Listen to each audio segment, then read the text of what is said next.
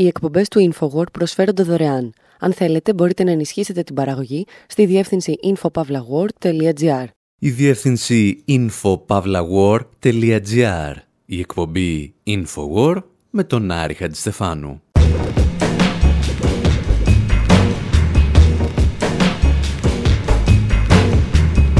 Όπου σήμερα προσγειωνόμαστε μαζί με τον Tom Cruise στις Κάνες, ενώ δεχόμαστε αντιεροπορικά πυρά από τον Jean-Luc Godard. Παρακολουθούμε τον μεγάλο σκηνοθέτη να γίνεται και πάλι έξαλλος με το Φεστιβάλ των Κανών, όπως είχε κάνει και το Μάιο του 1968. Μόνο που τώρα το παθαίνει με αφορμή μια ομιλία του Ζελένσκι. Υποπτευόμαστε ότι θα έπρεπε να τον ενοχλήσουν εξίσου κάτι μαχητικά της γαλλικής πολεμικής αεροπορίας, τα οποία πετούσαν σε σχηματισμό για να υποδεχθούν κάτι χολιγουδιανά σκουπίδια. Συζητάμε δηλαδή για το sequel της ταινίας Top Gun. Παρακολουθούμε τον εξοπλισμό που είχαν στη διάθεσή τους η παραγωγή της ταινίας πριν από 3,5 δεκαετίες και αυτόν που έχουν σήμερα, και αναρωτιόμαστε εάν όλα αυτά μπορούν να μας δείξουν κάτι για την πορεία της Αμερικανικής Αυτοκρατορίας. Ξεκινάμε όμως με την αμφισβήτηση αυτής της αυτοκρατορίας από το μακρινό 1968. Sur les vieux écrans de 68, vous étiez chinoise mangeuse de frites. Ferdinand Godard, vous avez un baguet de l'autre côté du miroir d'un café.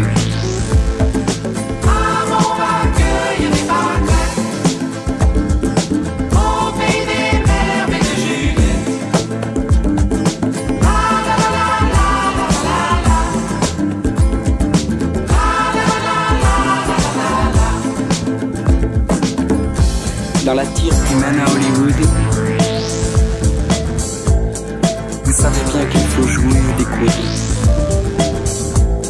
Les superstars, les petites filles de Marlène vous coinceront Juliette dans la nuit américaine?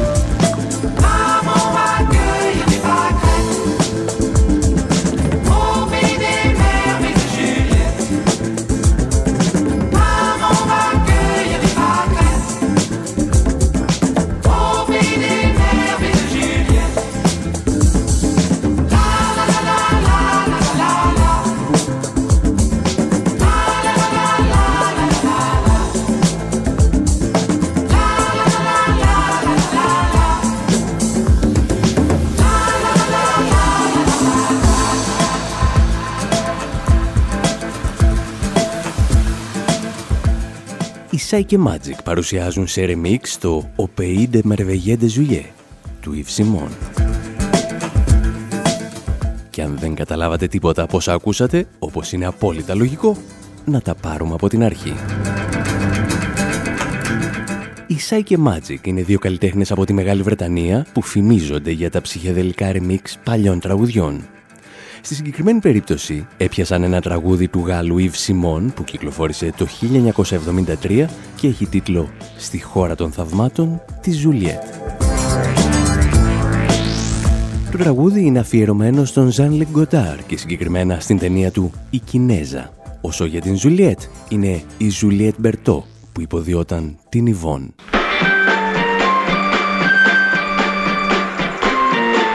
Vietnam brûlait, moi je hurle Mao Mao. Johnson rigolait, moi je vole Mao Mao. Le napalm coulait, moi je roule Mao Mao. Les villes crèvent moi je rêve Mao Mao. Les putains criaient, moi je ris Mao Mao. Le riz est fou et moi je joue Mao Mao. Το Βιετνάμ, έλεγε το τραγουδάκι της ταινίας, καίγεται και εγώ απαντάω «Μάο Μάο». Ο Τζόνσον γελάει νευρικά και εγώ κινούμαι σπασμωδικά. Μάω μάω. Οι ναπάλμ πέφτουν και εγώ πυροβολώ. Μάω μάω. Ακόμη και αν δεν έχετε δει την ταινία, μπορείτε να υποθέσετε ότι ο Γκοντάρ περνούσε την μαοϊκή περίοδο της ζωής του, αλλά και της σκηνοθετικής του πορείας. Η Κινέζα θα καταγραφεί στην ιστορία του κινηματογράφου σαν μία από τις εμβληματικότερες ταινίες του Μάη του 68, παρά το γεγονός ότι προβλήθηκε το 1967. Ο Γκοντάρ ανακατεύει σε αυτήν από τις γεωπολιτικές εξελίξεις στην Ανατολική Ασία μέχρι τις θεωρίες του Αλτουσέρ, αλλά και την εμπορευματοποίηση της ίδιας της Επανάστασης. Ο ίδιος πάντως δήλωνε τότε επαναστάτης και δεν έμενε μόνο στα λόγια. Λίγες μόλις ημέρες μετά το ξέσπασμα του Γαλλικού Μάη του 68 τον βρίσκουμε στις Κάνες να τα κάνει όλα πολιτικά γυσμαδιάμ.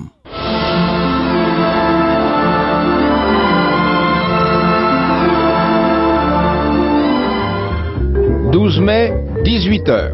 Traditionnelle montée des marches. La Bégome, Grâce de Monaco. Στάρλετ και οι ηθοποιοί φλέρταραν ακόμη με τους φακούς των φωτογράφων στο κόκκινο χαλί του Φεστιβάλ των Κανών, όταν ορισμένα από τα ιερά τέρατα του ευρωπαϊκού κινηματογράφου μπήκαν ήσυχα σε μία από τις μικρότερες αίθουσες προβολής και την κατέλαβαν. 18 mai, 10 heures. Des cinéastes en colère, Truffaut, Godard, Louis Malle, Polanski, investissent le palais des festivals. Το λόγο παίρνει αμέσως ο Φρανσουά Τριφό, ο οποίος ζητά να διαβάσει κείμενο που είχαν συντάξει μία ημέρα νωρίτερα περισσότεροι από χίλιοι επαγγελματίες της βιομηχανίας του θεάματος, αλλά και φοιτητές κινηματογράφου στο Παρίσι.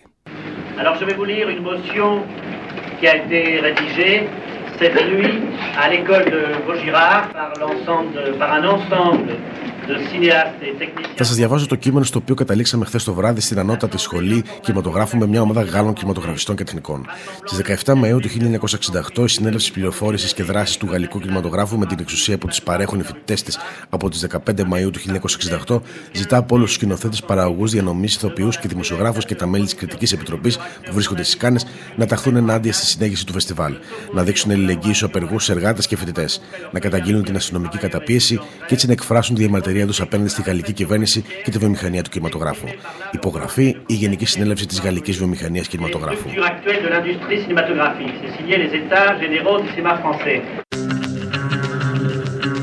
Η αίθουσα κοντεύει να μετατραπεί σε ring, καθώς όλοι πασχίζουν να φτάσουν το μικρόφωνο, όπου κυριαρχούν όμως οι φιγούρες του Γκοντάρ, του Πολάνσκι, του Τριφό και αρκετών ακόμη σκηνοθετών. Είναι όμως ο Γκοντάρ αυτός που θα κλέψει τη μαράσταση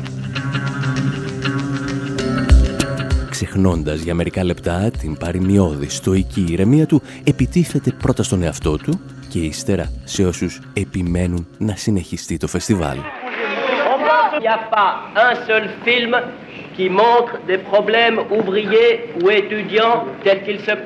Δεν υπάρχει ούτε μία ταινία που να δείχνει τα προβλήματα που αντιμετωπίζουν σήμερα οι φοιτητές και εργάτες. Ούτε η ταινία του Φόρμαν, ούτε η δική μου, ούτε του Πολάνσκι ή του Τρυφό. Βρισκόμαστε πίσω από την εποχή μας. Οι φοιτητές συντροφοί μας έδειξαν τον δρόμο όταν τους άνοιξαν τα κεφάλια στα επεισόδια της περασμένης εβδομάδας.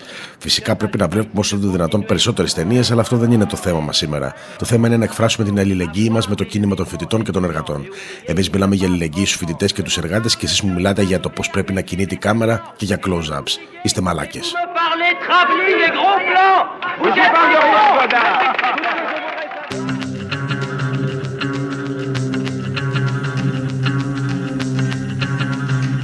Και κάπως έτσι, με αυτή τη φράση του Γκοντάρ, έληξε πρόωρα στις 24 Μαΐου του 1968 η σεμνή τελετή που ονομαζόταν 21ο Φεστιβάλ Κινηματογράφου των Κανών.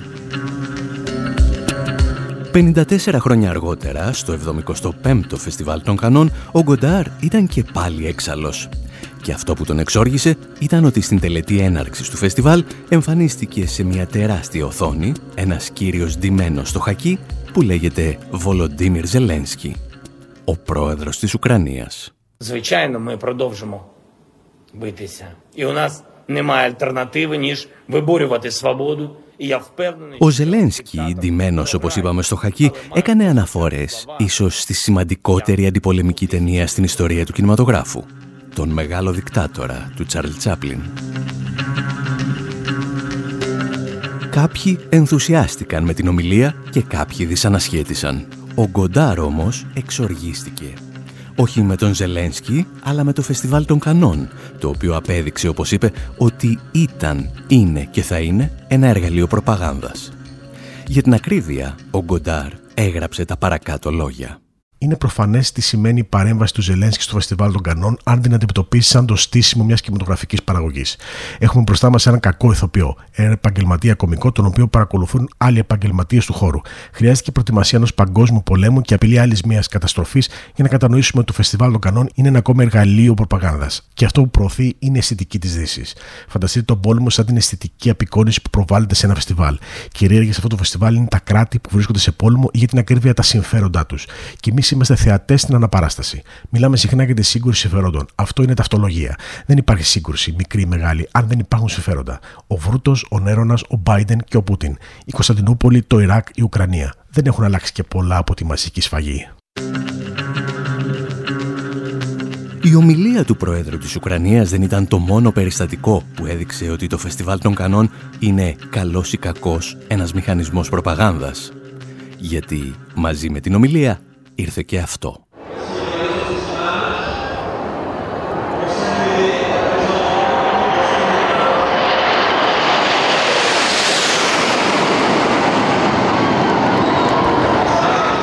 Μαχητικά αεροσκάφη της γαλλικής πολεμικής αεροπορίας πετούσαν σε σχηματισμό πάνω από τις σκάνες για την πρεμιέρα της ταινίας Top Gun Maverick με τον Tom Cruise.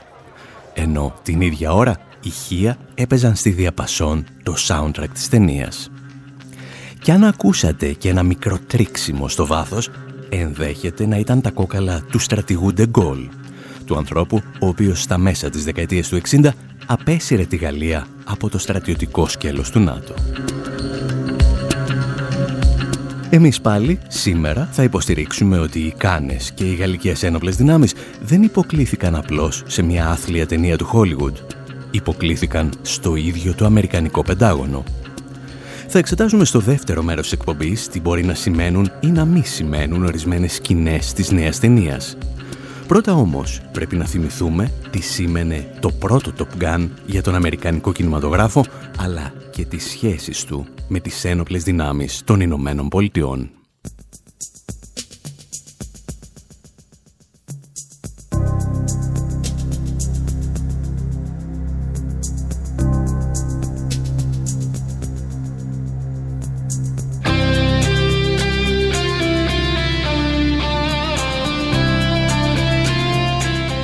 Ιστορία λίγο πολύ γνωστή. Ένας κάγκουρας με μηχανή, γυαλιά Ray-Ban και ένα κίτς δερμάτινο γεμάτο σήματα της πολεμικής αεροπορίας πηγαίνει στην καλύτερη σχολή πιλότων για μαχητικά αεροσκάφη των Ηνωμένων Πολιτειών. Ο φίλος του σκοτώνεται, αλλά αυτός κερδίζει τους κακούς που πιλοτάρουν MiG-28 της πρώην Σοβιετικής Ένωσης και έχουν όλοι ένα κόκκινο αστέρι στο κράνος. Κερδίζει επίσης το κορίτσι, και ζει αυτός καλά και κάτι εκατοντάδες χιλιάδες άνθρωποι που δέχονται τους αμερικανικούς βομβαρδισμούς λιγότερο. Το ενδιαφέρον της υπόθεσης για εμάς είναι ότι το 2015 η Εθνική Επιτροπή για τη Διατήρηση της Κινηματογραφικής Παραγωγής αποφάσισε ότι αυτή η σαβούρα πρέπει να ενταχθεί στο αρχείο του Κογκρέσου εκεί όπου φυλάσσονται έργα για την πολιτισμική, ιστορική ή αισθητική αξία τους. Προσοχή, δεν είπαν ότι είναι καλή ταινία, είπαν ότι έχει ιστορική σημασία και σε αυτό είχαν απόλυτο δίκιο. Γιατί το Top Gun σηματοδότησε το τέλος μιας ιδιότυπης κινηματογραφικής μεταπολίτευσης που ξεκίνησε με τον πόλεμο του Βιετνάμ.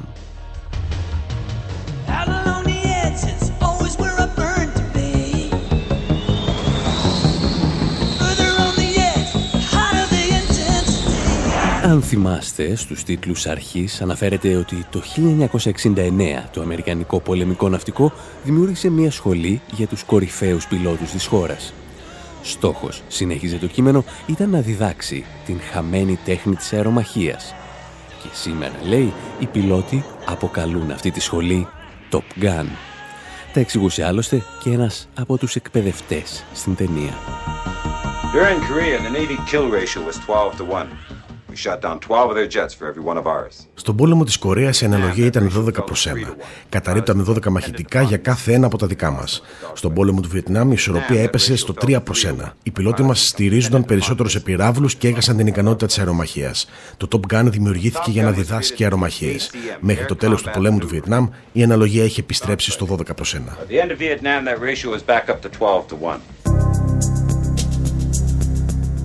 Ο πόλεμος του Βιετνάμ ήταν μία από τις πολλές εκφάνσεις μιας άλλης χαμένης αερομαχίας. Με το δολάριο να χάνει το έδαφος κάτω από τα πόδια του και πολιτικά σκάνδαλα όπως το Watergate να συγκλονίζουν τις Ηνωμένες Πολιτείες, η Αμερικανική Αυτοκρατορία κλειδονιζόταν στη θέμελα. Και το Hollywood που πάντα αφουγκράζεται τέτοιες καταστάσεις χρειάστηκε δεκαετίες για να συνέλθει από την ταπείνωση στον πόλεμο του Βιετνάμ. Για να τα καταφέρει έπρεπε να περιμένει ένα δικό της άνθρωπο για να αναλάβει τον έλεγχο της χώρας. Έναν ηθοποιό ταινιών δεύτερης κατηγορίας που άκουγε στο όνομα Ρόναλτ Ρίγκαν.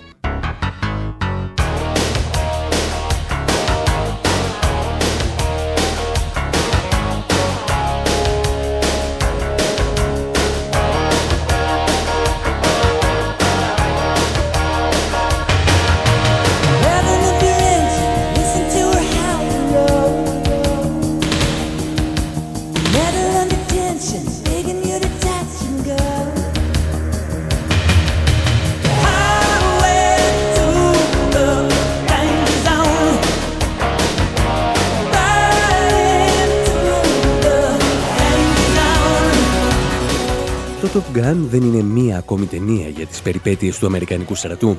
Είναι η στιγμή, όπως είπαμε, που το Hollywood ξεπερνά οριστικά την ήττα του Βιετνάμ και συστρατεύεται στο νέο μιλιταρισμό που εκφράζει ο Ρόναλτ Ρίγκαν. Dawn was just breaking over the beaches of Grenada when U.S. troops, along with a small force of Caribbean soldiers, landed on the tiny island nation. Ήταν η εποχή, όπως ακούμε και σε ρεπορτάζ του CNN, που το Πεντάγωνο εισέβαλε σε χώρες όπως η Γρενάδα, στην Καραϊβική. Επιχειρήσεις με ελάχιστες απώλειες για τις Ηνωμένες Πολιτείες που αναβάθμιζαν το προφίλ του Αμερικανικού στρατού. Όπως ο βομβαρδισμός της Λιβύης, με αεροσκάφη που απογειώνονταν από τις βάσεις του Ιντσιρλίκ, στην Τουρκία. All but one American aircraft returned from the mission. U.S. patrols this morning showed the fighters on alert in the Mediterranean and the Sixth Fleet in a holding pattern. Σε αυτές τις συνθήκες, το Top Gun μετατρέπεται σε ένα μεγάλο διαφημιστικό διάρκειας δύο ωρών για τις Αμερικανικές ένοπλες δυνάμεις. Έξω από τους κινηματογράφους όπου πεζόταν η ταινία, το Πεντάγωνο έστεινε τραπεζάκια, όπου οι νεαροί θεατές μπορούσαν να στρατολογηθούν στις ένοπλες δυνάμεις. Τα πράγματα βέβαια δεν θα μπορούσαν να είναι διαφορετικά αφού ατύπως η ταινία ήταν μια συμπαραγωγή της Paramount και των Αμερικανικών ενόπλων δυνάμεων. Το Πεντάγωνο χρέωσε την εταιρεία για όλο τον εξοπλισμό που χρησιμοποίησε μόλις 1,8 εκατομμύριο δολάρια. Ένα αστείο ποσό αν σκεφτεί κανείς ότι συμμετείχαν από σχηματισμούς F-14 και F-4 μέχρι το αεροπλανοφόρο USS Enterprise. Σε αντάλλαγμα, οι παραγωγοί της ταινίας παρέδωσαν το σενάριο στην Επιτροπή Λογοκρισίας του Πενταγώνου και το πήραν πίσω, ξαναγραμμένο από τους καραβανάδες του Ρόναλτ Ρίγκαν. Engine 2 is out! Bruce, I'm losing control, I'm losing control. I can't, I can't control it. It won't recover. Eject! Uh, I'm trying, I'm trying! Eject, eject, eject!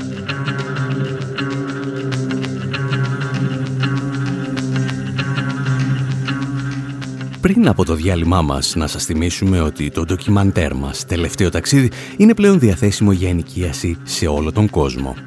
Στην Ελλάδα και την Κύπρο όμως η ενοικίαση τελειώνει στις 31 Μαΐου. Από την ημέρα της ενοικίασης έχετε απεριόριστες προβολές για ένα μήνα. Θα πρέπει όμως να βιαστείτε. Excuse me, miss. Hey, hey, hey. Don't worry, I'll take care of this. You never close your eyes anymore when I kiss your lips. There's no tenderness like before in your fingertips. You're trying hard not to show it, baby. But baby, believe me, I know. You.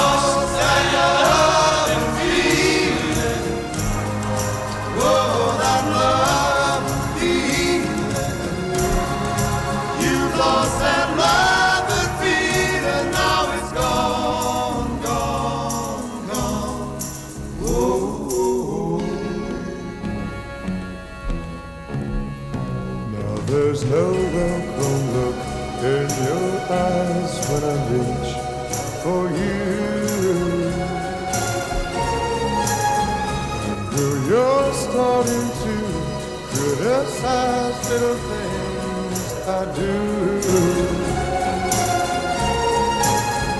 It makes me just feel like crying. Cause baby, something beautiful about it. You lost that love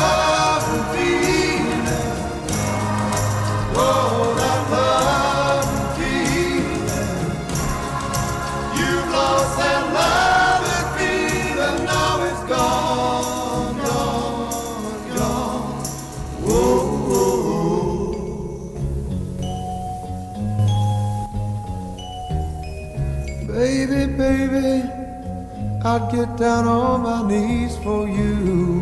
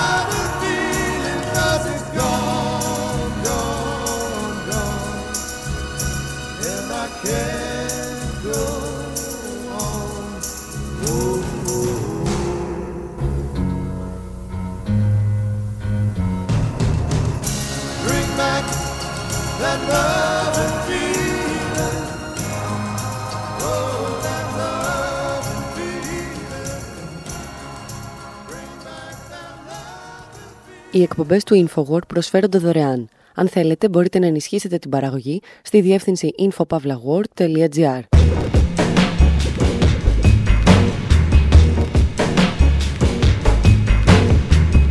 Εκπομπή Infowar, μέρος δεύτερο.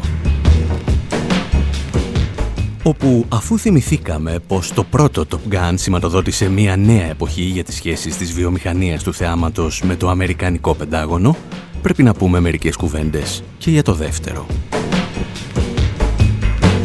Υποστηρίζουμε ότι δεν μπορείς να κάνεις μια πλήρη πολιτική ανάλυση βλέποντας απλώς μια ταινία. Πιστεύουμε όμως ότι μια ταινία αφουγκράζεται ευρύτερες κοινωνικές και πολιτικές εξελίξεις και έτσι κάνει κάθε ανάλυση ελαφρώς πιο ενδιαφέρουσα. Ειδικά όταν η ταινία χρηματοδοτείται έμεσα από το Αμερικανικό Πεντάγωνο. Σήμερα λοιπόν συζητάμε για κάτι ρωσικά μαχητικά αεροσκάφη και για δύο σημεούλες που λείπουν από το μπουφάν του Τόμ Κρούζ. Αναρωτιόμαστε εάν τελικά ο βασικός αντίπαλος της Ουάσιγκτον είναι η Μόσχα ή το Πεκίνο. Και απαντάμε φυσικά το Πεκίνο, αλλά δεν θα το μάθετε ποτέ από τις σύγχρονες ταινίες του Hollywood.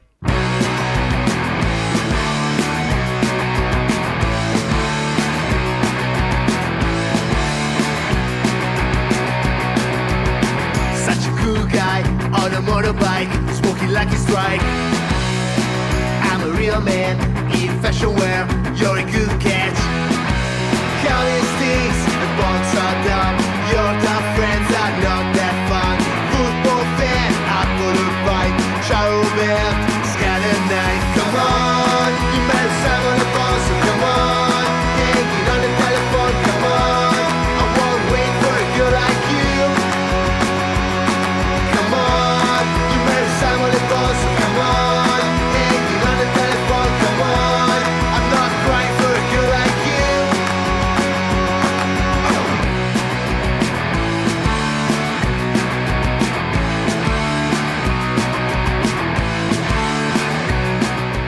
Οι μάγκες που ακούτε είναι το συγκρότημα The Manges, το οποίο βέβαια πιθανότατα να προφέρεται The Manges, αλλά επειδή είναι Ιταλοί δεν μπορείς να είσαι ποτέ σίγουρος. Εδώ πάντως τραγουδούν για τον Maverick, τον ήρωα που υποδίεται ο Tom Cruise στο Top Gun. Είμαι, λέει, ένα cool τυπάκι με μηχανή που φοράει γυαλιά Ray-Ban. Είμαι το Top Gun. Εμείς βέβαια, όπως έχουμε εξηγήσει και σε παλαιότερη εκπομπή, θεωρούμε ότι ο Tom Cruise με τη συγκεκριμένη περιβολή είναι απλώς ο απόλυτος κάγκουρας του 20ου και τώρα του 21ου αιώνα. Από την πλευρά του, ο Ταραντίνο στην ταινία Sleep With Me προσπαθούσε να μας πείσει ότι το Top Gun δεν είναι τίποτα περισσότερο από την εσωτερική μάχη δύο ομοφιλόφιλων για να ζήσουν ελεύθεροι τον έρωτά τους. What is Top Gun? You think it's a story about a bunch of fighter pilots? Yeah, it's about a bunch of guys waving their dicks around. It is a story about a man's struggle with his own homosexuality. Τι είναι το Top Gun; Νομίζω ότι είναι μια ταινία για πιλότους μαχητικών αεροσκαφών. Είναι η ιστορία ενός ανθρώπου που παλεύει με την ομοφιλοφιλία του. Έχει τον Maverick που κινείται στα άκρα. Και μετά έχει τον Iceman και την ομάδα του. Είναι όλοι γκέι. Αντιπροσωπεύουν τον γκέι άντρα και λένε στο Maverick, έλα, έλα στον δρόμο τον γκέι. Από την άλλη, εκπαιδεύτρια των πιλότων εκπροσωπεί τις ετεροφιλικές σχέσεις. Του λέει, όχι, πήγαινε από τον κανονικό δρόμο. Παίξε με τους κανόνες. Ο Maverick λοιπόν πάει στο σπίτι της και κάνει ντους, οπότε όλοι νομίζουν ότι θα κάνουν σεξ. Άρα τελικά δεν κάνουν. Τι σκατά γίνεται εδώ. Ποιο είναι λοιπόν το πραγματικό τέλος της ταινίας; Αφού έχουν νικήσει τα ρωσικά MiG και προσγειώνονται, ο Maverick έχει περάσει πλέον στον κόσμο των γκέι. Ο Iceman που πάντα τον ήθελε ξέρει ότι τώρα είναι δικός του. Και ποια είναι η τελευταία τάκα που λένε ενώ αγκαλιάζονται και φιλούνται.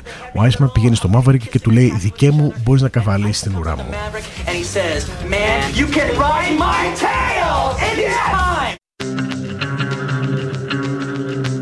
Στην πραγματικότητα βέβαια στην ταινία δεν λένε «Ride my tail», δηλαδή «Καβάλισε την ουρά μου» ή «Κάλυψέ με», αλλά «Be my wingman».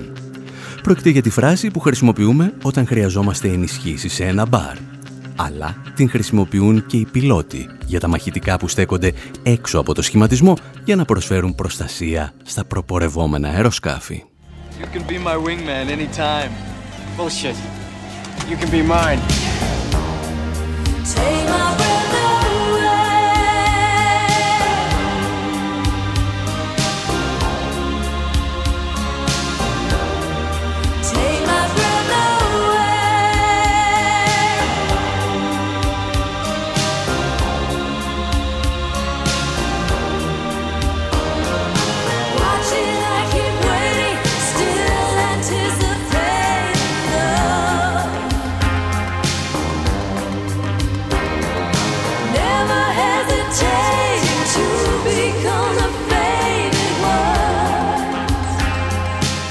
Θα θέλαμε πραγματικά το Top Gun να προωθεί τον έρωτα ενός γκέι ζευγαριού στην Αμερική του Ρόναλντ Ρίγκαν στη δεκαετία του 80. Αλλά, όπως είπαμε, αυτό που πραγματικά προωθούσε ήταν τα οπλικά συστήματα των Ηνωμένων Πολιτειών. Τότε ήταν κυρίως τα μαχητικά F-14 Tomcat.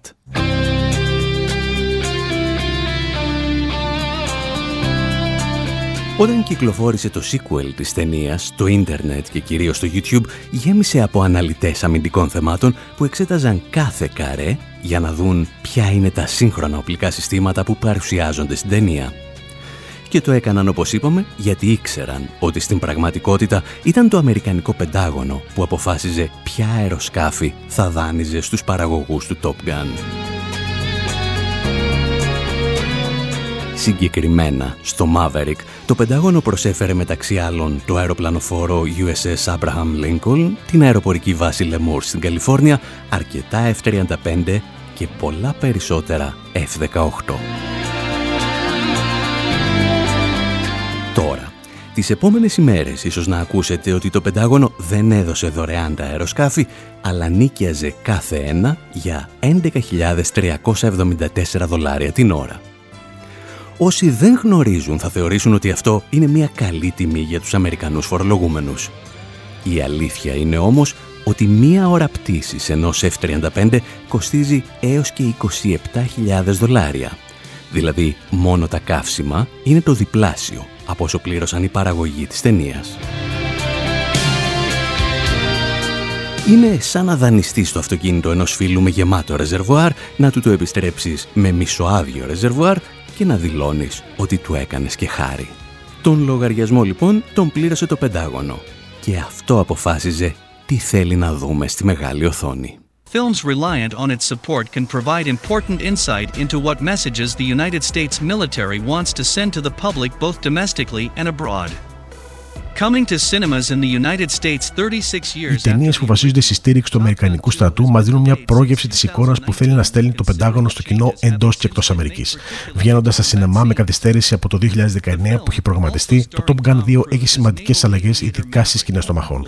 Όπως και η πρώτη ταινία αντανακλά το πολιτικό κλίμα της εποχής της. Η πρώτη ταινία έδειχνε τους κακούς να πετούν με μαχητικά MiG-28, ένα φανταστικό αεροσκάφος το οποίο στην πραγματικότητα ήταν ένα F5 το οποίο έγραψαν μαύρο και του έβαλαν και ένα κόκκινο αστέρι. Στο νέο Top Gun όμως υπάρχουν ρεαλιστικές απεικονίσει του εχθρικού οπλοστασίου. Αυτό συμπεριλαμβάνει όχι μόνο σοβιετικά συστήματα αεράμινα S-125 που χρησιμοποιούνται ευρέως από τη Βόρεια Κορέα ως τη Συρία και τη Βενεζουέλα, αλλά και το ρωσικό μαχητικό νέας γενιάς Sukhoi 57.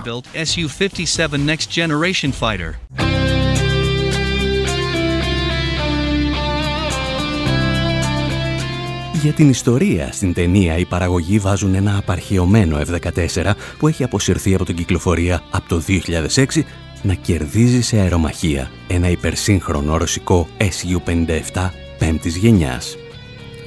Προφανώς αυτό που θέλουν είναι να γελιοποιήσουν την πολεμική αεροπορία της Ρωσίας.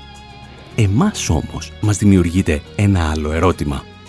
Εάν ένα απαρχαιωμένο F-14 με τους κατάλληλους πιλότους κερδίζει ένα υπερσύγχρονο αεροσκάφος πέμπτης γενιάς, εμείς γιατί πρέπει να αγοράσουμε F-35 πέμπτης γενιάς, αφού, όπως μας λένε, έχουμε τους καλύτερους πιλότους στον κόσμο.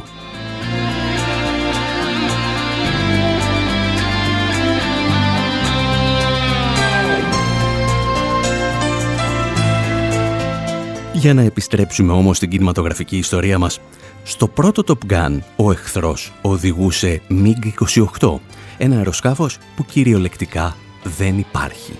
Για την ακρίβεια, δεν υπήρξε ποτέ. Η σύνδεση βέβαια με το Ανατολικό Μπλοκ ήταν προφανής, αλλά τα αεροσκάφη θα μπορούσαν να ανήκουν σε οποιαδήποτε χώρα συνεργαζόταν τότε με τη Σοβιετική Ένωση. Στο δεύτερο Top Gun τα πράγματα είναι πιο ξεκάθαρα. Τα ρωσικά Su-57, τα οποία παρουσιάζονται, δεν τα έχει κανένας αυτή τη στιγμή, εκτός από την πολεμική αεροπορία της Ρωσίας. Γιατί, πολύ απλά, έχουν παραχθεί μόνο 14 και το ένα έπεσε. The appearance of the Su-57 indicates that Russian rather than Chinese weapons are portrayed as the primary adversaries. Η εμφάνιση του Sukhoi 57 δίνουν τα ρωσικά όπλα και όχι τα κινέζικα, απεικονίζοντας ο κύριος εχθρός για τις ΗΠΑ. Αυτό μπορεί βέβαια να φαίνεται λογικό το 2022, αλλά δεν ήταν το 2019 που θα κυκλοφορούσε κανονικά η ταινία. Η Κίνα έχει ένα πρόγραμμα μαχητικού stealth πολύ πιο αναπτυγμένο από το Sukhoi 57. Λέγεται J-20, αλλά δεν προσφέρεται για εξαγωγές. Αντίθετα, το ρωσικό Sukhoi 57 αναμένεται να πουληθεί αυραίω στο εξωτερικό σε χώρες που είναι πολύ πιο πιθανό να βρεθούν σε μια πολεμική σύραξη με τις ΗΠΑ. Επίσης, με το να μην απεικονίζουν σε εχθρικά αεροσκάφη τα κινέζικα μαχητικά, το Top Gun 2 έχει μεγαλύτερες πιθανότητες να σημειώσει επιτυχία στην κινέζικη αγορά. Has a greater chance of being a success in Chinese markets.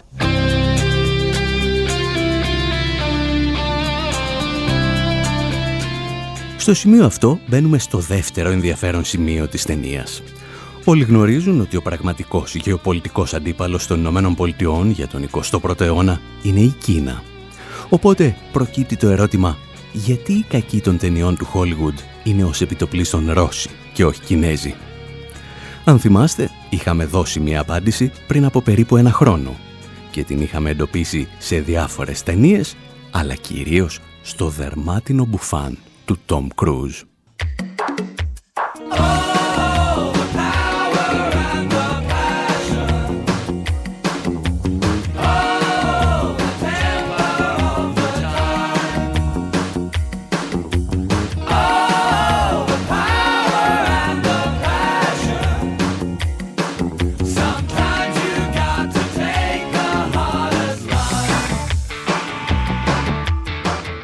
Ο κύριος που ακούτε είναι ο Πίτερ Γκάρετ, τραγουδιστής των Midnight Oil και μετέπειτα Υπουργός Περιβάλλοντος της Αυστραλίας. Πιθανότατα ο πρώτος υπουργός στην ιστορία που κατάφερε να κοιμηθεί, ενώ το κρεβάτι του καιγόταν. Εδώ μας ενδιαφέρει γιατί στο τραγούδι αναφέρεται στο σταθμό ηλεκτρονικών και δορυφορικών παρακολουθήσεων του Pine Gap στην Αυστραλία. Ένα από τα σημαντικότερα κέντρα που διαθέτει η CIA και η NSA σε ολόκληρο τον κόσμο. Το θέμα της ομότιτλης τηλεσύρας του Netflix.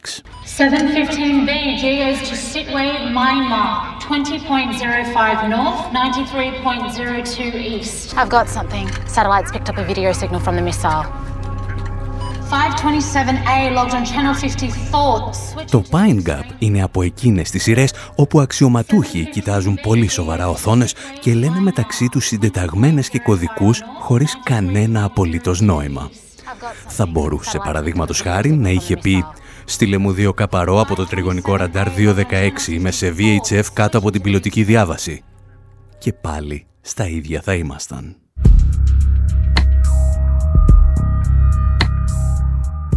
Πέρα όμως από τις φτηνές Αμερικανιές, η σειρά έχει ιδιαίτερο πολιτικό ενδιαφέρον, κυρίως για το πώς παρουσιάζει την προβολή ισχύω της Κίνας και των Ηνωμένων Πολιτειών στην περιοχή του Ινδικού και του Ειρηνικού ωκεανού.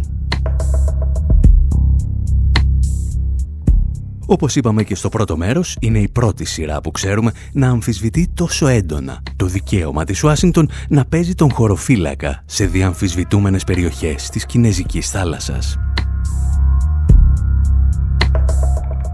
Σε κάποια στιγμή μάλιστα στις οθόνες των υπολογιστών του Pine Gap εμφανίζεται ένας χάρτης που απεικονίζει τα κυριαρχικά δικαιώματα της Κίνας όπως τα αντιλαμβάνεται η Κίνα.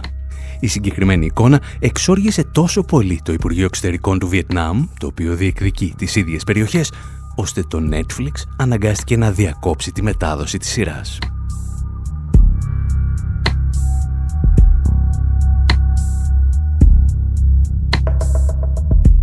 Το Pine Gap δεν είναι βέβαια η μοναδική παραγωγή στην οποία η αμερικανική βιομηχανία του θεάματος δεν τόλμησε να τα βάλει με τον κινέζικο δράκο. Τα πράγματα είναι πιο σοβαρά με το Top Gun.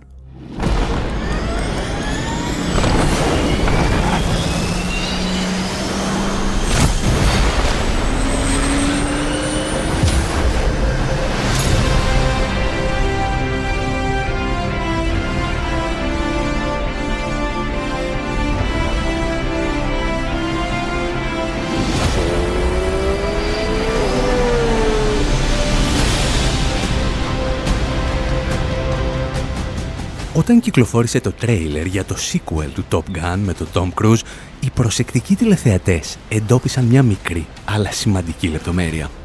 Στο μπουφάν για κάγκουρες που φοράει ο πρωταγωνιστής δεν υπήρχε πλέον η σημαία της Ταϊβάν, όπως συνέβαινε στην πρώτη ταινία. Γιατί αυτή η σημαία θα εξόργιζε την Κίνα και οι παραγωγοί της ταινίας θα έχαναν τη μεγαλύτερη κινηματογραφική αγορά του πλανήτη. Μας μιλούσε για το μέγεθος αυτής της αγοράς πριν από μερικά χρόνια το δίκτυο CNBC. With a massive population of nearly 1.4 billion people, China is the world's most populous country and has become a lucrative market for many industries. And in the first quarter of 2018, Με τεράστιο πληθυσμό σχεδόν 1,4 δισεκατομμύριων ανθρώπων, η Κίνα είναι η πιο πολυπληθής χώρα του κόσμου και έχει γίνει κερδοφόρα αγορά για πολλές βιομηχανίες. Στο πρώτο τρίμηνο του 2018 ξεπέρασε τις ΗΠΑ οι κινηματογραφικά έσοδα για πρώτη φορά. Οι κινηματογράφοι στην Κίνα συγκέντρωσαν 9 δισεκατομμύρια δολάρια το 2018, λίγο πίσω από τις ΗΠΑ και τον Καναδά, που συγκέντρωσαν συνολικά 11,9 δισεκατομμύρια δολάρια. Το 2017 η Κίνα, που έχτιζε περίπου 25 κινηματογραφικές έδωσε την ημέρα, ξεπέρασε τις ΗΠΑ συνολικό αριθμό οθονών. Το 2018 περισσότερες από 9.000 οθόνες προσθέθηκαν σε ολόκληρη την Κίνα, ξεπερνώντας συνολικά τις 60.000 οθόνες, ενώ οι ΗΠΑ είχαν περίπου 40.000. Αυτά τα αστρονομικά νούμερα σημαίνουν ότι η Κίνα βρίσκεται πλέον στο μυαλό των παραγωγών και των σεναριογράφων.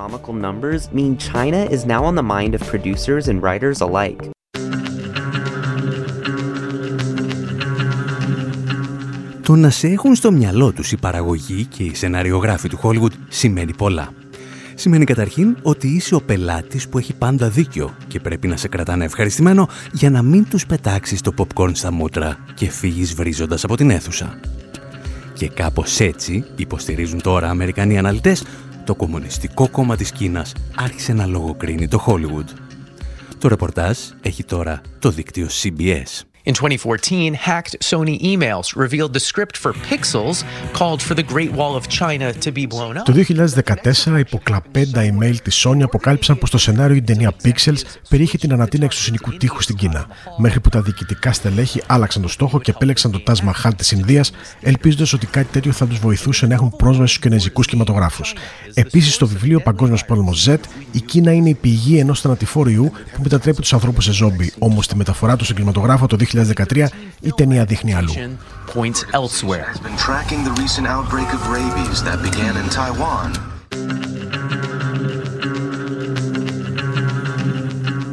Εάν έχετε δει την ταινία, ο ιός που σε μετατρέπει σε ζόμπι ξεκινά τελικά από την Ταϊβάν, προς μεγάλη υποθέτουμε ικανοποίηση του Πεκίνου. Όταν πάντως οι επιθυμίες της Κίνας για αλλαγή του σεναρίου δεν μπορούσαν να εφαρμοστούν, οι Αμερικανοί παραγωγοί αναγκάζονταν είτε να κόψουν αποσπάσματα των ταινιών τους ή να τις αποσύρουν τελείως από την κινέζικη αγορά, με ζημιά εκατομμυρίων δολάριων.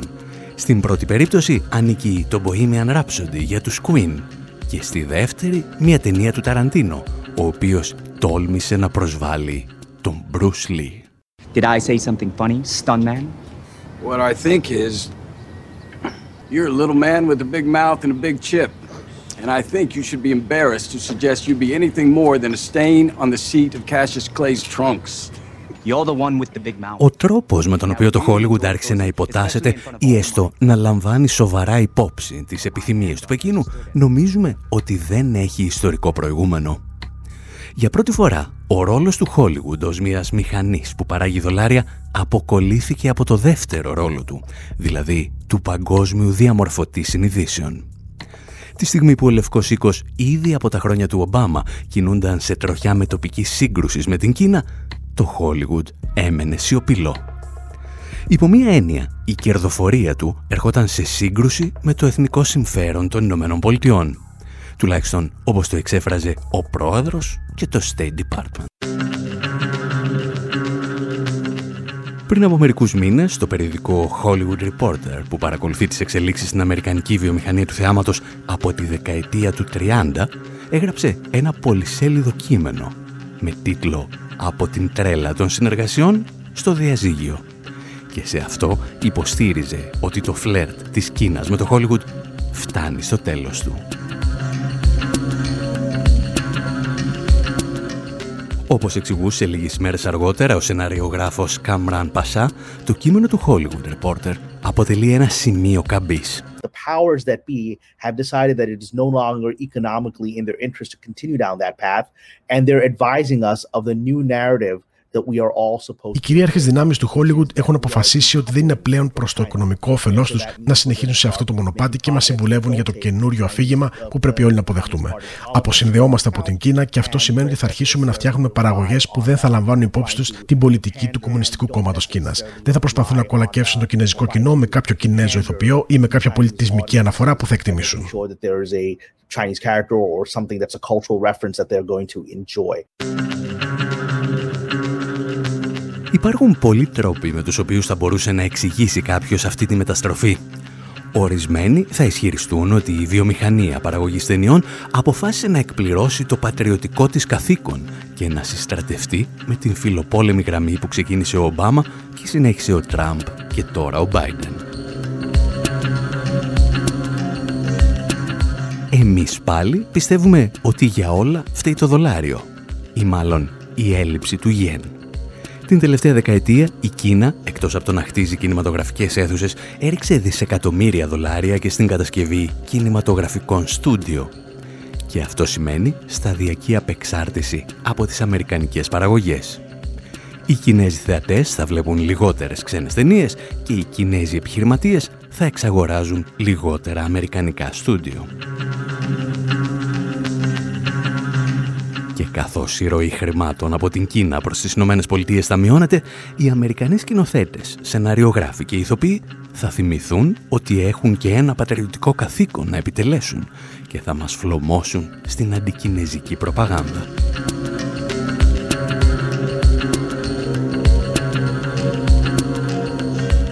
Κάπου εδώ όμως εμείς λέμε να σας αφήσουμε και για αυτή την εβδομάδα.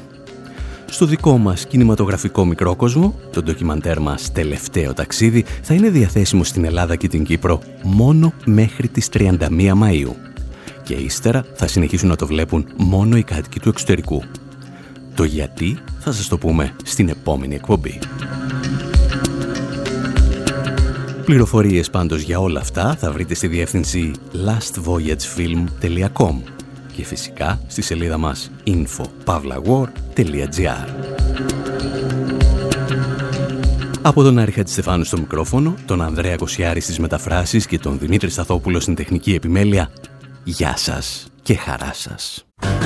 You shake my nerves and you rattle my brain. Too much love drives a man insane.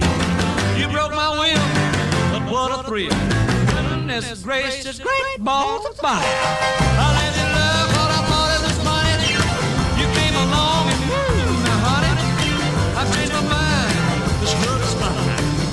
Goodness gracious, great balls of fire.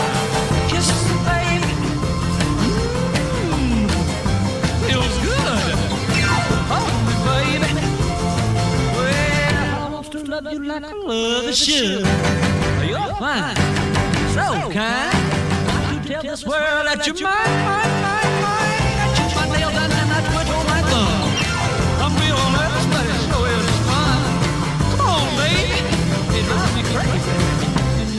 It's just great balls of fire.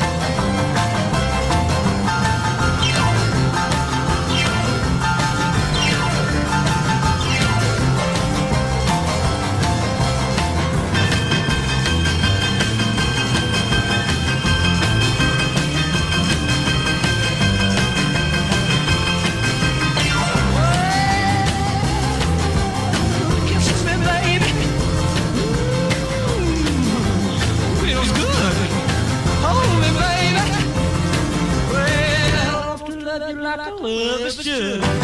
You're fine. So kind. You tell this world that you're mine, mine, mine, mine. You're my. Real somebody show him. Come on, baby. Run crazy. This is great. This is great. Balls of fire.